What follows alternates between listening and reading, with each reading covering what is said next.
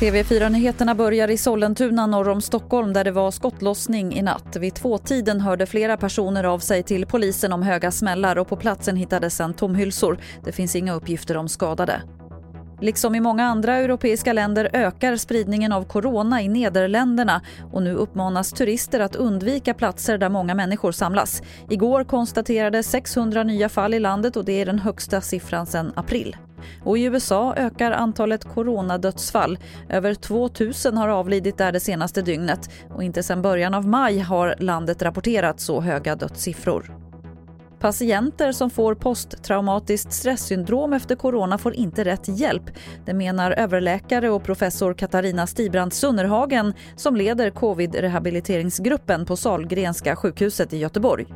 Man får inte rätt hjälp idag. Vissa får det, men, men, vi har ingen struktur så det finns liksom vart ska man vända sig? Vem ska man, hur, ska, hur ska man veta vart man ska gå? Vi har satsat mycket på att hjälpa människor att överleva och då måste vi också lägga resurser på att hjälpa folk att komma tillbaka till livet.